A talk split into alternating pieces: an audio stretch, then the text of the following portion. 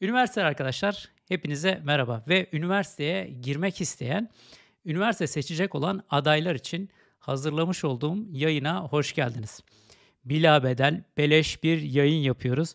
Bu yayında üniversiteye yerleşmek isteyen, üniversite seçmek isteyen ve mesleğinin ilerisinde kendine meslek olarak gayrimenkul değerlemeyi seçecek arkadaşlara özel bir yayın hazırladık.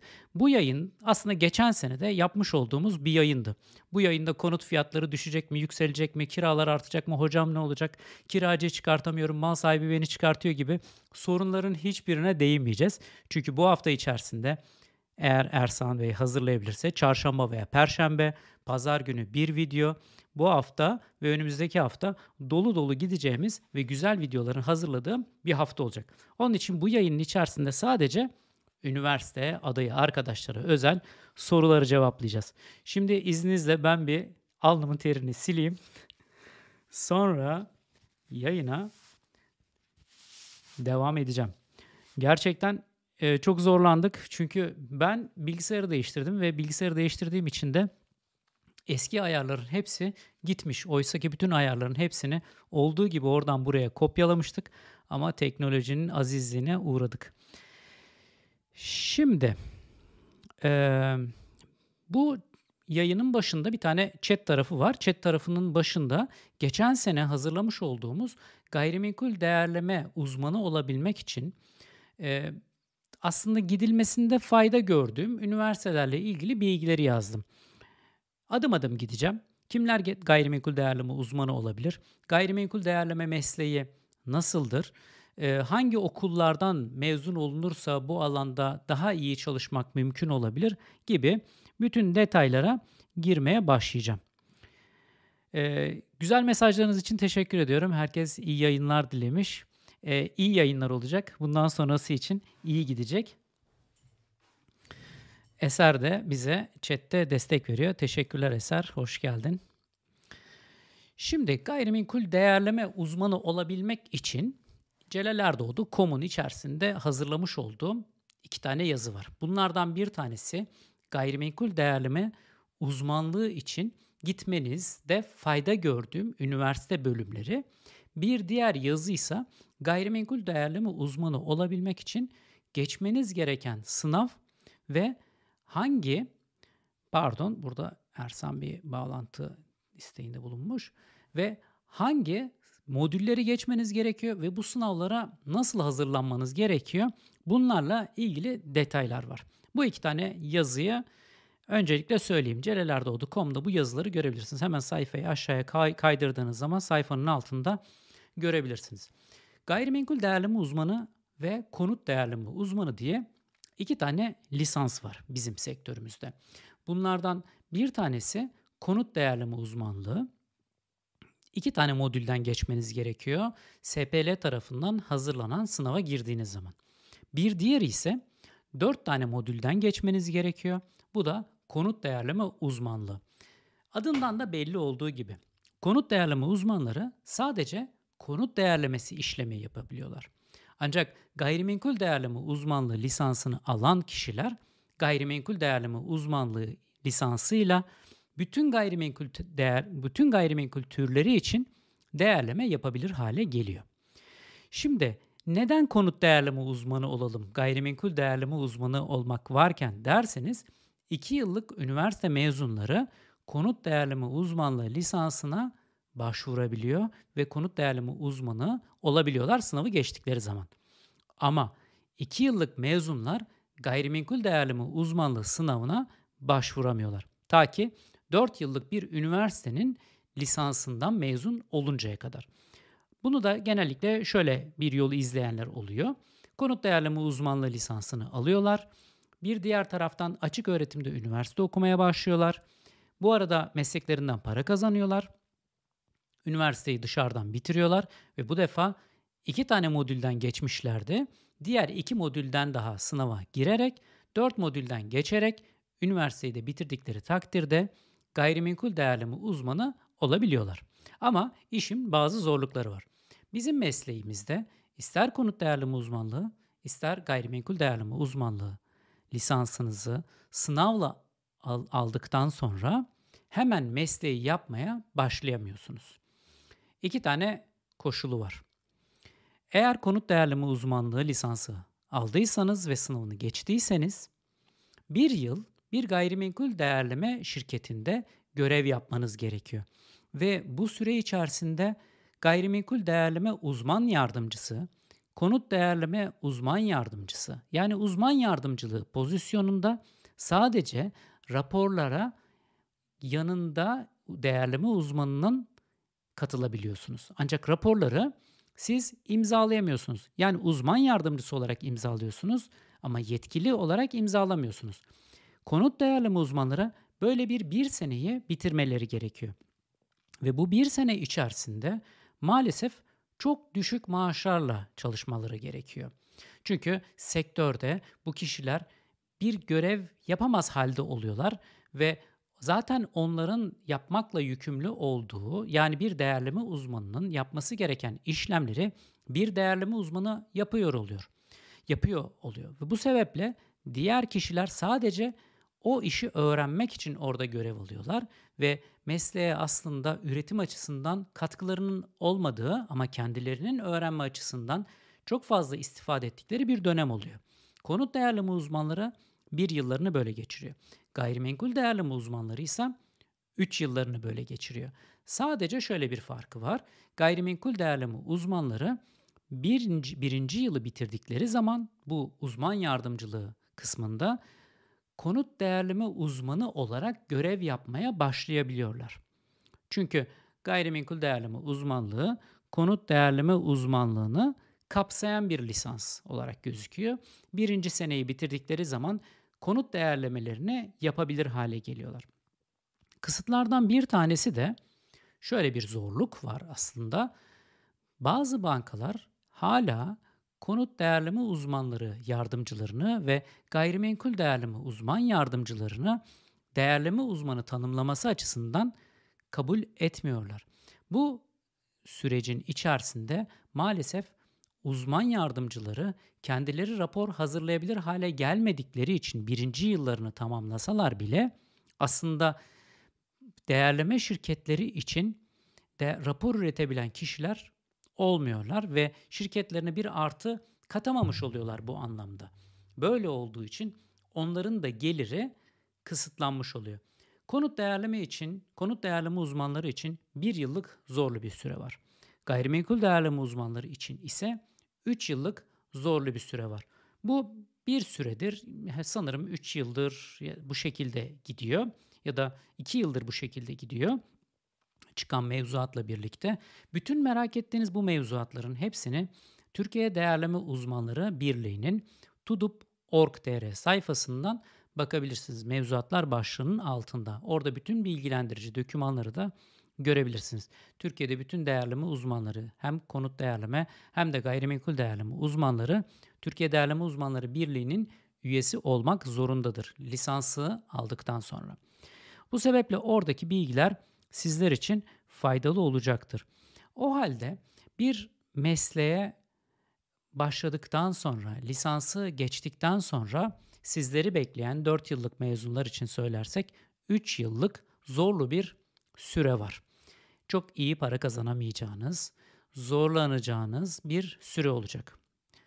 Ben yalanları söylemiyorum, ben gerçekleri söylüyorum. Piyasadaki bütün değerleme uzmanlarından duyduğum hem de ortağı olduğum, işletmekte olduğum İstanbul Gayrimenkul Değerleme'de karşılaştığım hem e, zorlukları e, sizlere aktarmaya çalışıyorum. Hayal satmamak gerekiyor. Bütün baştan her şeyi çok doğru bir şekilde söylemek gerekiyor ki sizler de mesleğinizi buna göre seçin. O halde 3 yıllık bir zorlu süreç var. Kimler gayrimenkul değerleme uzmanı oluyor? Bir defa hiçbir kısıtlama yok. 4 yıllık üniversite mezunu olan herkes gayrimenkul değerleme uzmanlığı sınavına girebilir. Gayrimenkul değerleme uzmanını 3 yıllık tecrübe şartını, şartını tamamladıktan sonra lisansını alarak işini yapmaya başlayabilir. Ancak piyasada bazı kabuller var. Biliyorsunuz bir yazılı olan kurallar var. Bir de piyasanın kabul ettiği kurallar var. Bunlardan birincisi meslek beklentisi. bizim piyasamızda gayrimenkul değerleme uzmanlığı mesleğinin icrasında harita mühendisleri, mimarlar, inşaat mühendisleri ve şehir plancıları ilk olarak tercih edilen mesleklerden. Sonrasında sonraki yıllarda kurulan gayrimenkul ve varlık değerleme bölümü de bunlara katılan ama bu dört meslek daha fazla tercih ediliyor. Harita, inşaat, mimarlık, şehir bölge planlama. Bunlardan sonra gayrimenkul ve varlık değerleme. Bu mesleklerden sonra piyasada en fazla olanlardan biri de ikisi de işletme ve iktisat mezunları. O halde 7 tane meslek aslında sıralamada yukarıdan aşağıya dizildiği zaman en fazla tercih edilenler diyeceğim ama bu 4 meslek daha fazla tercih ediliyor. Baştaki 7 sıralamada ikinci sırada daha fazla tercih edilenler. Ama bunun yanında şunu da unutmamak gerekiyor. Fizyoterapi mezunu, fizik mezunu, yani aslında gayrimenkulle herhangi bir kesişim kümesine hiç girmeyen mesleklerden de gayrimenkul değerleme uzmanı olanlar var. Ama bankalar hizmet alan tarafta oldukları için değerleme şirketlerinden değerleme uzmanlarının bildirilmesini istedikleri zaman belli kategoriler koyabiliyorlar ve belli uzmanların kullanıcılarına sistemde açmayabiliyorlar. Tercih yapabiliyorlar çünkü onlar hizmet alıcı tarafında bulunuyorlar ve değerleme uzmanı olsanız dahi o bankalarda hizmet sunabilir halde olmayabiliyorsunuz. Bunu baştan bilmekte fayda var. Çünkü bu, bu söylediğim meslekler dışında bir alandan gelirseniz gayrimenkul değerlemesi alanında belki de hizmet sunamaz hale gelebilirsiniz. Onun için hazır adaylık aşamasındasınız. Bu cuma bildiğim kadarıyla bütün e, tercihlerinizi yapıp ünivers üniversitelere bildirmeniz gerekiyor. Eğer aklınızda gayrimenkul değerlemesiyle ilgili bir kariyer hedefi varsa o halde kendinize harita, mimarlık, şehir planlama, inşaat mühendisliği. Sonra gayrimenkul ve varlık değerleme bölümlerinden birini seçerseniz meslekte önünüz biraz daha açık olur. İktisat ve işletme de sizin önünüzü çok fazla kapamayacak alanlardan bir tanesi. Bunları da seçerseniz yine gayrimenkul değerleme uzmanlığı ya da konut değerleme uzmanlığı yaparak mesleğe girebilirsiniz. Gayrimenkul değerlemesi alanında faaliyet gösterebilirsiniz. Siz e, sorularınızı yazın çete merak ettiğiniz şeylere. Ben bir ara verdiğim zaman oradaki sorularınızın hepsine bakacağım ve cevap vermeye başlayacağım sizlere. Ben bu sebeple anlatmaya devam edeyim. Gayrimenkul değerlemesinde bazı kariyer adımları var. Bunlar aslında tecrübeye bağlı olanlar ve bağlı olmayanlar olarak ikiye ayırabiliriz. Bir tanesi tecrübeye bağlı olanlar diyelim. 3 yıllık değerleme uzmanlığı tecrübesini tamamladığınız zaman gayrimenkul değerleme uzmanı olarak çalışabiliyorsunuz ve gayrimenkul değerlemesi sahada yapılan ve daha fazla sahada olunması gerek sahada olun olmayı gerektiren işlerden birisi. 3 yıllık tecrübeyle başladığınız işte 2 yıl çalıştığınız zaman yani 3 artı 2 5 yılı tamamladığınız zaman bu defa sorumlu değerleme uzmanlığı belgesini alabiliyorsunuz. Bunda Türkiye Değerleme Uzmanları Birliği'nden size bir belge veriliyor ve 5 yıllık tecrübeye sahiptir yazıyor bu belgenin üzerinde. Bu belgeye sahip olduğunuz zaman sahada gayrimenkul değerleme uzmanları tarafından hazırlanmış olan raporları bankalarda ya da gayrimenkul değerleme şirketlerinde kontrol aşamasında görev alabiliyorsunuz. Buna sektörde denetmen ismi veriyoruz. Bazı şirketler kontrol kontrolör diye de isimlendirebiliyor. Bankalarda da yine aynı şekilde görev yapabiliyorsunuz. 3 yıllık tecrübeli değerleme uzmanları denetmenlik ya da kontrollük görevini icra edemiyorlar. 5 yıllık tecrübeye sahip olmaları gerekiyor. 5 yıllık tecrübeye sahip olan kişiler sorumlu değerleme uzmanı olarak anılıyorlar ve bu kişiler gayrimenkul değerleme şirketlerinde sorumlu değerleme uzmanı olarak da görev alabiliyorlar. Gayrimenkul değerleme şirketleri eskiden anonim şirketler 5 kişiden oluşmaktayken 5 ki 5 ortaktan oluşması gerekiyordu ama bugün 2 ortaktan oluşabiliyor ve SPK'nın mevzuatı gereği bir gayrimenkul değerleme şirketinde iki tane sorumlu değerleme uzmanı olması gerekiyor ve toplam hissenin %51'ine bu iki sorumlu değerleme uzmanının sahip olmasını en azından bekliyor. Daha fazla ortak olursa sorumlu değerleme uzmanlarının paylarının toplamının %51'i geçmesi gerekiyor. Yani bir şirketin yönetiminde sorumlu değerleme uzmanlarının hakim olması isteniyor. Böylece e, liyakatla ve objektif olarak gayrimenkul değerlemesi mesleğinin yapılması e, sağlanmaya çalışılıyor. O halde değerleme uzmanlığı dedik, kontrolör denetmenlik dedik, sorumlu değerleme uzmanı olarak şirkette ortaklık dedik. Bunlar aslında bizim gayrimenkul değerlemesindeki ana e, kariyer başlıkları diyebiliriz. Bunun dışında tabii ki banka ve teminat işlemleri biriminde çalışan ekiplerden, özel projeler ekiplerinde çalışan, birimlerinde çalışan ekiplerden de bahsedebiliriz. Nedir bu özel projeler? Örneğin büyük bir firmanın yatırımı var, bir arsanın üzerinde bir kompleks değerlemesini istiyor e, ve bu kompleks e, fizibilite çalışması içerisinde diyelim. Burada bir ekip çalışıyor. Bu ekipler genellikle özel projeler birimlerinde çalışırlar. E, o zaman meslekte biraz daha ilerlediğiniz zaman özel projeler birimlerinde de hem uzman olarak hem de denetmen kontrolör olarak çalışabilme imkanı var. Bizim mesleğimizde çok fazla e, dikey bir e, hiyerarşi yok. Yani adımlar biraz sınırlı. Onun için e, belli bir zaman sonra aslında bu sektörde çalışanlar biraz sıkılmaya başlıyorlar. Yani daha fazla yükselebilme şansı yok. Örneğin bir bankada çalışsanız bir sürü kademe var. Yani güvenlikten başladığınız zaman bir şubenin içerisine girdiğiniz zaman en az 5-6 kariyer imkanı var. Genel müdürlüğe girdiğiniz zaman belki 5-10 adet daha kariyer imkanı var. Yani bir ömre 15 tane basamak sığdırabilirsiniz ama gayrimenkul değerleme alanında o kadar çok yok. Peki kurumlar olarak değerlendirirsek nerelerde çalışabilirsiniz? Bireysel olarak çalışabilirsiniz. Biz buna çözüm ortakları diyoruz. Kendileri kendi bir şirket kuruyorlar.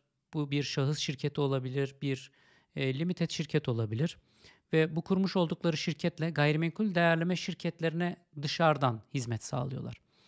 E, bunlarda da belli tabii kıstaslar var. Çözüm ortaklarının toplam sektörde bir değerleme şirketine vermiş olduğu, bir değerleme şirketinin bir bankaya vermiş olduğu işlerin e, kısıtlamaları var. Bunlara tabii dikkat etmek gerekiyor. Bunlara niyetleniyorsanız biraz mevzuatların içerisine BDDK'nın, SPK'nın, Türkiye Değerleme Uzmanları Birliği'nin mevzuatlarına mutlaka bakmanız, incelemeniz gerekiyor. Bir hata yapmamak için. Değerleme şirketlerinde çalışabilirsiniz. Türkiye'de şu an sanırım 142 tane gayrimenkul değerleme şirketi var. Bizim şirketimizde bunlardan bir tanesi İstanbul Gayrimenkul Değerleme. Bunun dışında bankalarda çalışabilirsiniz. Türkiye'deki bütün bankalarda, e, büyük bankalarda diyelim çok küçük ölçeklilerde belki birim olmayabilir ama bütün bankalarda neredeyse bir gayrimenkul değerleme birimi var.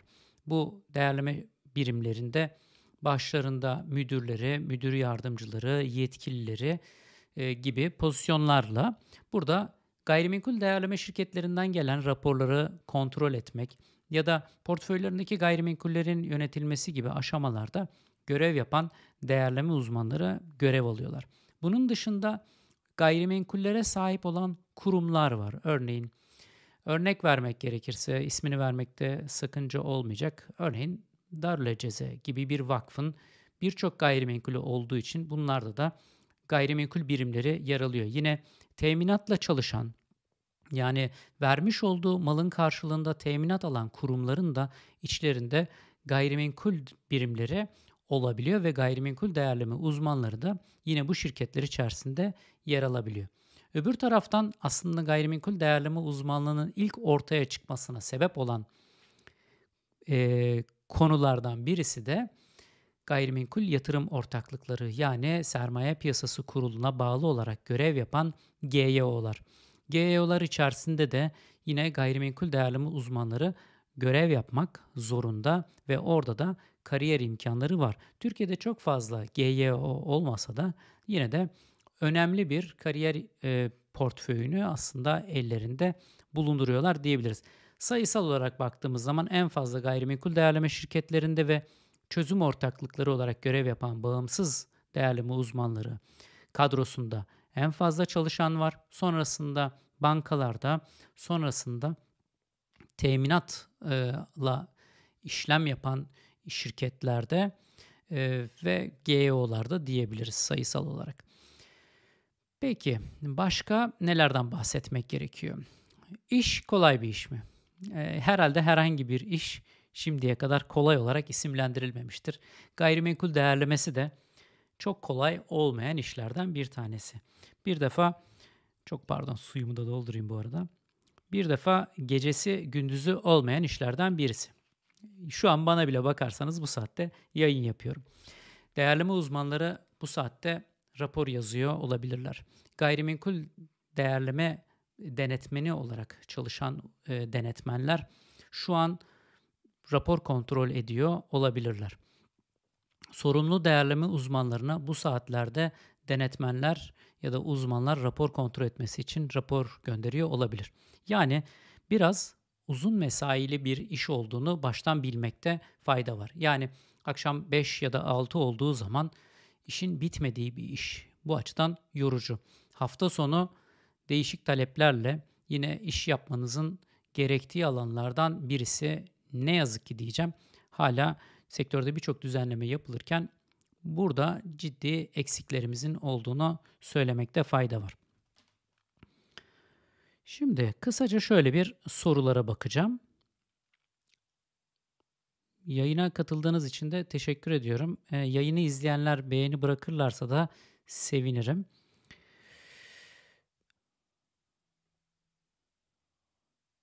Hocam, Abdullah Bey sormuş. Hocam şehir bölge planlama, mimar inşaat mühendisi harita mühendisi dışındaki bölüm mezunları işe alınmıyor mu? Yani bankalar artık kabul etmiyor mu? Bazı bankalar kabul etmiyor. Bazı bankalarsa dikkate almıyor. Ama bazı bankalar bazı bölümleri kesinlikle kabul etmek istemiyor. Örneğin sağlık alanında olan bir bölümün gayrimenkul değerleme alanında lisansı da olsa kullanıcılarını aktif etmeyebiliyorlar. Fatma Hanım sormuş. Merhaba 43 yaşında 20 yıllık bankacı gayrimenkul lisansı almış birinin sektörde tercih edilme şansı var mıdır? Vardır.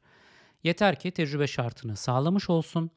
3 yıllık bir şirkette, 3 yıl boyunca bir şirkette çalışıp mesleği öğrenmiş olsun. E, ister bölgesinde çözüm ortağı ama yeni başlayacaksa bir şirkette ya da bir değerleme uzmanının yanında en az 1-2 yıl daha çalışmasını tavsiye ederim. Elbette ki iş imkanı var Fatma Hanım. Özellikle e, Türkiye Değerleme Uzmanları Birliği'nin yayınlamış olduğu yıllık raporlara bakın. Hangi bölgelerde ne kadar uzman var? Ne kadar değerleme raporu hazırlanıyor? İl ilçe bazında var. Bu size hangi bölgelerde nasıl çalışılması gerektiğiyle ilgili fikir verecektir. Çünkü bazı bölgeler Türkiye'de hala çok zor değerleme uzmanının bulunduğu bölgeler. Bu bölgeleri bulursanız iş imkanı da yaratabilirsiniz. Ve bazı bölgelerde çok yoğun. O bölgelerde de yine iş imkanı olabilir. İyi yayınlar demiş Paraşüt. Teşekkürler. Fatma'nın bir soru daha sormuş. Uzaktan yüksek lisans var gayrimenkul bölümü için. Gayrimenkul lisansını almış birinin sizce yüksek lisans yapmasına gerek var mı? Bence başlangıçta hiç yok. Ama gayrimenkul değerleme alanında tecrübe sağladıktan sonra bir alanda uzmanlaşmak istiyorsanız yüksek lisansı o zaman yapabilirsiniz. Ama bunlar tabii kişisel cevaplar. Belki başka birisi çok daha farklı bir cevap verebilir. Abdullah Bey bir soru sormuş. Dersleri geçmek için ortalama şimdilerde 60 olarak belirlendi. Eskiden de öyle miydi ya da bu ortalamanın 50 olma ihtimali var mı? Eskiden de böyleydi. Ben tabii 2008 yılında lisans almış birisiyim. Üzerinden 14 sene geçti. Her şey çok değişti. Abdullah Bey bir soru daha sormuş. Ehliyette zorunlu herhalde. Değerli mi uzmanı olacaksanız, denetmen ya da kontrolör değilseniz ehliyet gerçekten gerekli. Eskiden toplu taşımayla büyük oranda çözülebiliyordu. Ya da bir ilçenin içerisinde kalabilecekseniz bu genellikle İstanbul için biraz daha mümkün.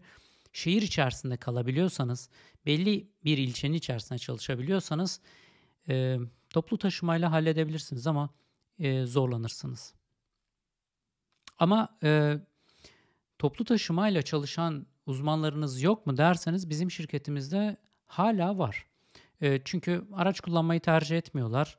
Kendi bölgeleri içerisinde araçsız olmayı tercih ediyorlar. Ya da bazı bölgeler gerçekten zor. Yani Beyoğlu'nda, Şişli'de, Beşiktaş'ta araçla çalışmak çok zor. E, gittiğiniz zaman bir değerleme yapacağınız zaman arabayı nereye park edeceksiniz? Park edecek yer bulmak çok zor. Belediyeye gittiniz nereye park edeceksiniz? Bunlar çok büyük sıkıntılar. Bu sebeple bazı yerlerde uzmanlar da tercih etmeyebiliyor araba kullanabildikleri halde.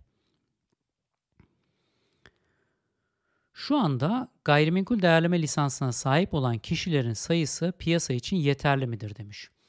Şu an TUDUB'a kayıtlı 9000'in üzerinde değerleme uzmanı var.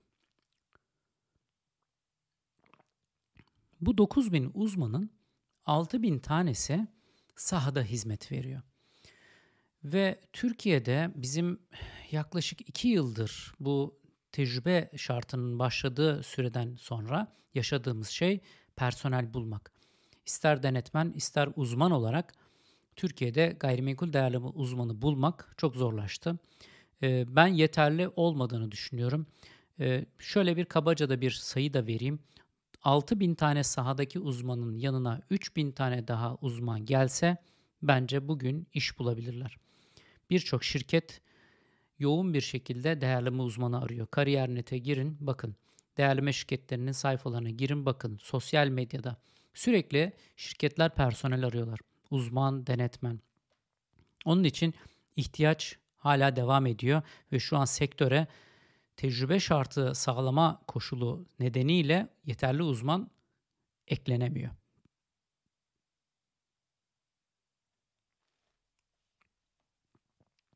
Elif Hanım demiş ki emlak ve emlak yönetimi gibi 2 senelik bölümler için düşünceniz nedir? Bu bölümlerin ülkemizdeki geleceği nasıl olur?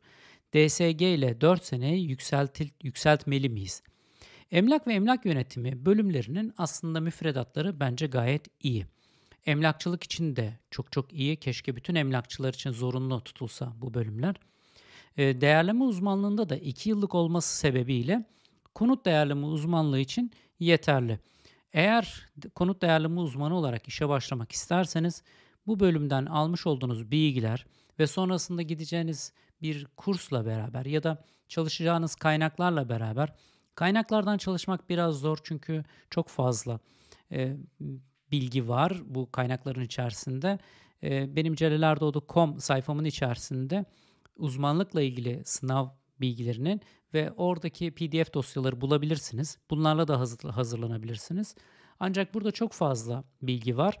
Bu sebeple bir kursa giderek konut değerleme uzmanı olabilirsiniz bu bölümleri bitirdikten sonra. Eğer dediğim gibi, başta da söylediğim gibi, eğer mesleği severseniz bu defa dışarıdan üniversiteye giderek 4 yıllık bir üniversite mezunu olarak bu defa gayrimenkul değerleme uzmanı olabilirsiniz. Eser de demiş zaten ben de o bölümden mezun oldum. İllaki faydası görünür demiş. Cenk Bey merhaba demiş. Merhaba. Ee, Fatma Hanım bir soru daha sormuş. Çalışırken her gün mü iş oluyor? Yani işim olmadığı serbest zamanlar oluyor mu? Mesela banka sabah 9 akşam 5. Gayrimenkul sektör için çalışma saatleri nasıldır? Kendimize zaman kalıyor mu? İnanın kalmıyor. Mümkün değil.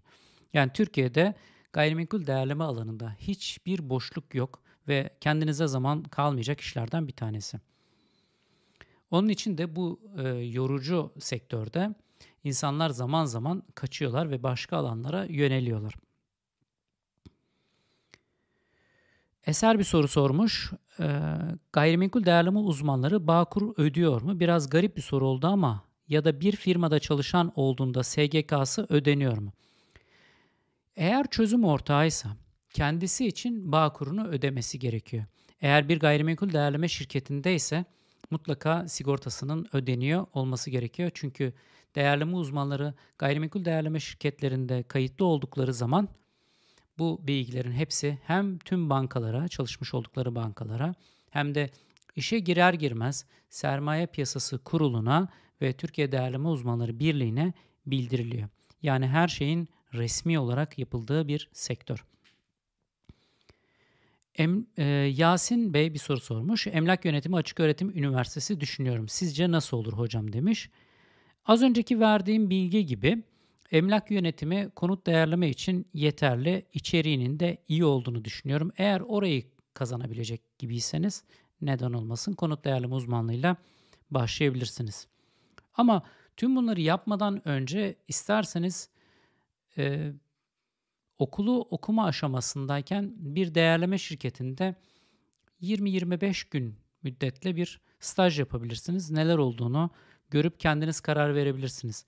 Bu arada yeri gelmişken onu da söyleyeyim. E, Türkiye'de 4 alandan birinde 5 e, alan diyeyim hatta gayrimenkul ve varlık değerlemeyi de için, işin içerisine katayım. Birinde okuyorsanız yaz stajlarında mutlaka gayrimenkul değerleme şirketlerinde staj yapın. Bu işi yapıp yapamayacağınızı görün. Ona göre kariyerinizi planlayın. Mesela bir şirkette stajyer olarak görev alırsınız.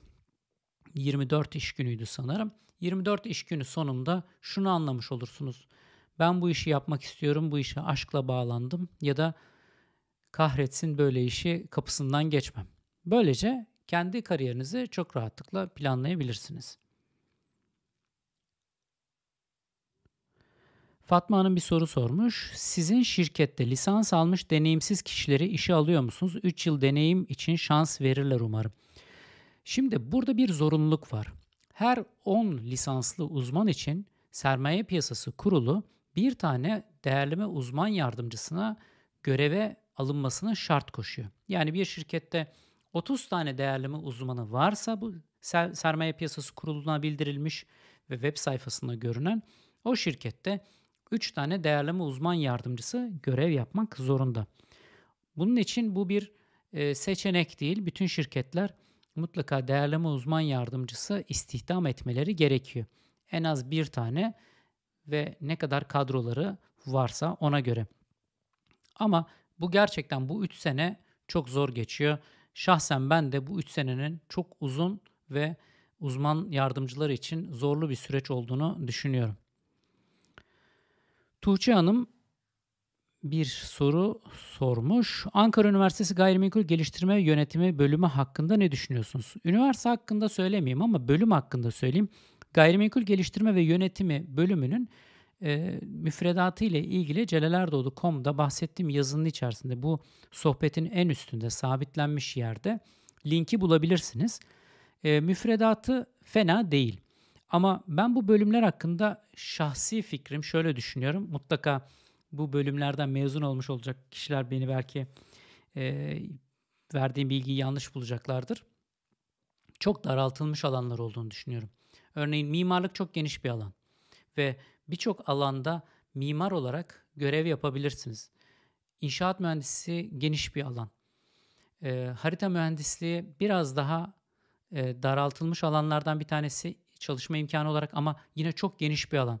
Şehir planlama benim de mezun olduğum bölüm yine daraltılmış alanlardan çalışma imkanı piyasada çok fazla olmayan alanlardan. Burada şunu kastediyorum. Eğer gayrimenkul değerleme uzmanlığını yapmak istemezseniz başka bir iş yapabilme şansınızın azaldığından bahsetmek istiyorum. Şimdi sizin bitireceğiniz bölüm gayrimenkul geliştirme ve yönetimi bölümü olduğu zaman bu bölümle çalışmak istemezseniz başka bir iş yapabilme şansınız yok. Ama mimar olduğunuz zaman gayrimenkul değerleme alanında da çalışabilirsiniz. Bunu yarın bırakırsınız. Başka bir alanında da çalışabilirsiniz. Kendi mesleğinizle ilgili olarak. Yani kendinizi çok daraltılmış bir alanın içerisine soktuğunuz zaman gelecekte kendi kariyer planınızı yaparken seçenekleriniz biraz azalabilir. Onun için buna da dikkat etmek gerekir diye düşünüyorum. Ee, Berat Bey'in bir sorusu var. Bu, bu bu yayında gayrimenkul konularına girmeyeceğiz. Onun için bu hafta ve önümüzdeki hafta yayınlanacak ard arda videolarım var. Sizin sormuş olduğunuz konuya da Berat Bey bir video bugün çektim. Ee, bu kıyafetimle çekilmiş bir videoyu sanırım ya pazar günü ya da önümüzdeki perşembe günü göreceksiniz. Fatma Hanım sormuş. Son sorum siz kariyerinizin en başına dönerseniz yine bu mesleği seçer miydiniz? Fatma Hanım benim kariyerim emlak ve gayrimenkulle başladı. Ben böyle bir ailenin içerisinde doğdum, büyüdüm. Yani benim aslında gayrimenkul dışında neredeyse hiç seçeneğim yok gibiydi. Ben 2003 yılına kadar emlak alanında görev yaptım. Ee, onun dışında İstanbul Teknik Üniversitesi'nde yine gayrimenkulle ilgili bir rektörlüğün biriminde çalıştım. Sonrasında gayrimenkul değerleme şirketi ortağı olarak gayrimenkul değerleme şirketi kurdum. Yani benim kariyerim açısından biraz e, kariyerim biçilmişti. Hazır gibiydi. Yani hep gayrimenkul üzerine geldiği için ailem de bu alanda çalıştığı için e, benim başka bir seçeneğim yoktu. E, başka bir şey yapar mıydınız derseniz çok farklı ilgi alanlarım vardı tabii ama onlar para kazandırır mıydı bilemiyorum. Yani buradan hasbel kadar en azından hayatımızı sürdürecek bir parayı kazandık ve kazanmaktayız.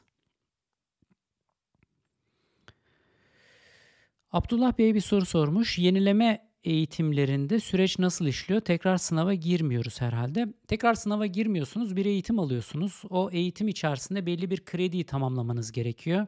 Sanırım 3 yılda bir alıyoruz o eğitimleri. 3 yılda bir aldığımız için de unutuyorum. Orada sermaye piyasası lisanslama kurumunun online artık eskiden fizikendi. Online eğitimleri var. O eğitimlere giriyorsunuz. O eğitimleri tamamlıyorsunuz. Dersleri dinliyorsunuz o derslerin sonunda sınavlar var. E, çok zor sınavlar değil. Yani eğitim alıp almadığınızı ölçmeye çalışıyor bu sınavlar. E, çok da kolay da değil tabii. Yani dinlemeden yapmak biraz zor. Sonrasında onlardan yeterli puanları aldığınız zaman e, lisansınızı 3 yıl boyunca daha yenilemiş oluyorsunuz. Yani sürekli devam ediyor. Yasin Bey bir soru sormuş. Emlak yönetimi mezunu. İş bulabilir mi hocam? Özel sektörde iş istihdamı nerelerdedir? Emlak yönetimi mezunlarının tabii ki adıyla e, bağlı olarak e, emlakçılıkta çok daha fazla iş imkanları var ama konut değerleme uzmanı olarak da çalışabilirler. İsmail Bey bir soru sormuş. Merhaba gayrimenkul geliştirme uzmanları hangi firmalarda, hangi aralıklarda maaş alır? Geliştirme uzmanından anladığım sizin söylemek istediğiniz şeyle aynı şey mi? Bir tekrarlayayım. Özel projelerde e, çalışan ve bir proje üretilmesi aşamasında çalışan uzmanları eğer kastediyorsanız e, çok fazla iş imkanı yok. Biraz daha dardır. E, az şirkette kariyer imkanı vardır. E, maaş olarak e, tahmin edeceğim e, şu an için 12 bin lirayla 15 bin lira arasındadır diye tahmin ediyorum. Ama bu alanda çalışan birisi varsa e, yorumunu yazarsa yorumunu da görmek isterim. Ee, Abdullah Bey, Sayın Hocamıza meslek yakışıyor. Bence tam mesleğini seçmiş. Başarılar dileriz. Teşekkür ederim. Yasin Bey bir soru sormuş ve devlete alım var mı gayrimenkul sektöründe emlak yönetimi? Yasin Bey bilmiyorum inanın ki eser Belki sen cevap verebilirsin buna. Evet vermişsin.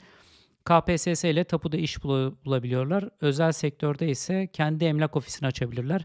Ama gördüğüm kadarıyla tapuda da ben sürekli Twitter'da paylaşımların altında görüyorum. E, tapu kadastronun yapmış olduğu paylaşımların altında sürekli iş imkanı bekliyoruz. KPSS ile atanamıyoruz gibi şeyler görüyorum. Yani o kısım da herhalde çok kolaylıkla iş bulunabilen bir alan değil. Yani kamu için gayrimenkul çok kolay değil. Aa atlamadan şunu da söyleyeyim. Milli emlak gibi alanlarda da Türkiye'de gayrimenkul değerleme uzmanları çalışıyor. Onu da atlamayalım. Birazcık nefesleneyim. Sen sizin sorularınıza bakayım. 31 kişi şu an aktif. Onların da yayını beğenmesini rica edeceğim. Bu arada reklam yapayım birazcık. Ortağım Ahmet Büyükduman'la İstanbul Gayrimenkul Değerleme'nin kurucu ortakları olarak Celal Erdoğdu ve Ahmet Büyükduman olarak Doktor Ahmet Büyükduman'la birlikte yazmış olduğumuz Sorularla Gayrimenkul Yatırımı diye bir kitabımız var. Sorularla Gayrimenkul Yatırımı'nda 175 tane Türkiye'de en fazla gayrimenkul yatırımı ile ilgili merak edilmiş soruya cevap verdik. Biz bu kitabı ilk 2018 yılında yazdık.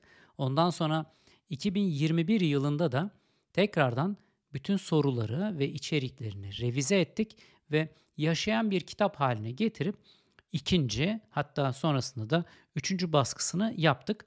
Sorularla gayrimenkul yatırımını gayrimenkulle ilgilenen biraz profesyonel ama her amatör için tavsiye ediyorum. Her yerde bulabilirsiniz. Hocam bu kitabı nerede bulabilirsiniz diye sormayın. Her kitapçıda bulabilirsiniz. Online platformların hepsinde de kitabımız satılıyor. En ucuz neredeyse oradan alın. Çok para harcamayın. Bir reklam daha yapayım.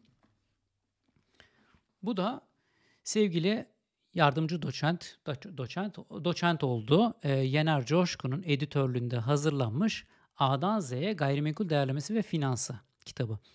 Bu kitabın içerisinde de benim ve değerli ortağımın Doktor Ahmet Büyükduman'ın birer bölümü bulunuyor.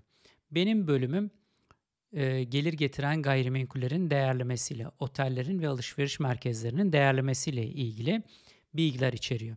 Onun bölümü ise, değerli Ahmet Büyükduman'ın bölümü ise konut değerlemelerinde teknolojinin kullanımı ile ilgili bilgiler içeriyor.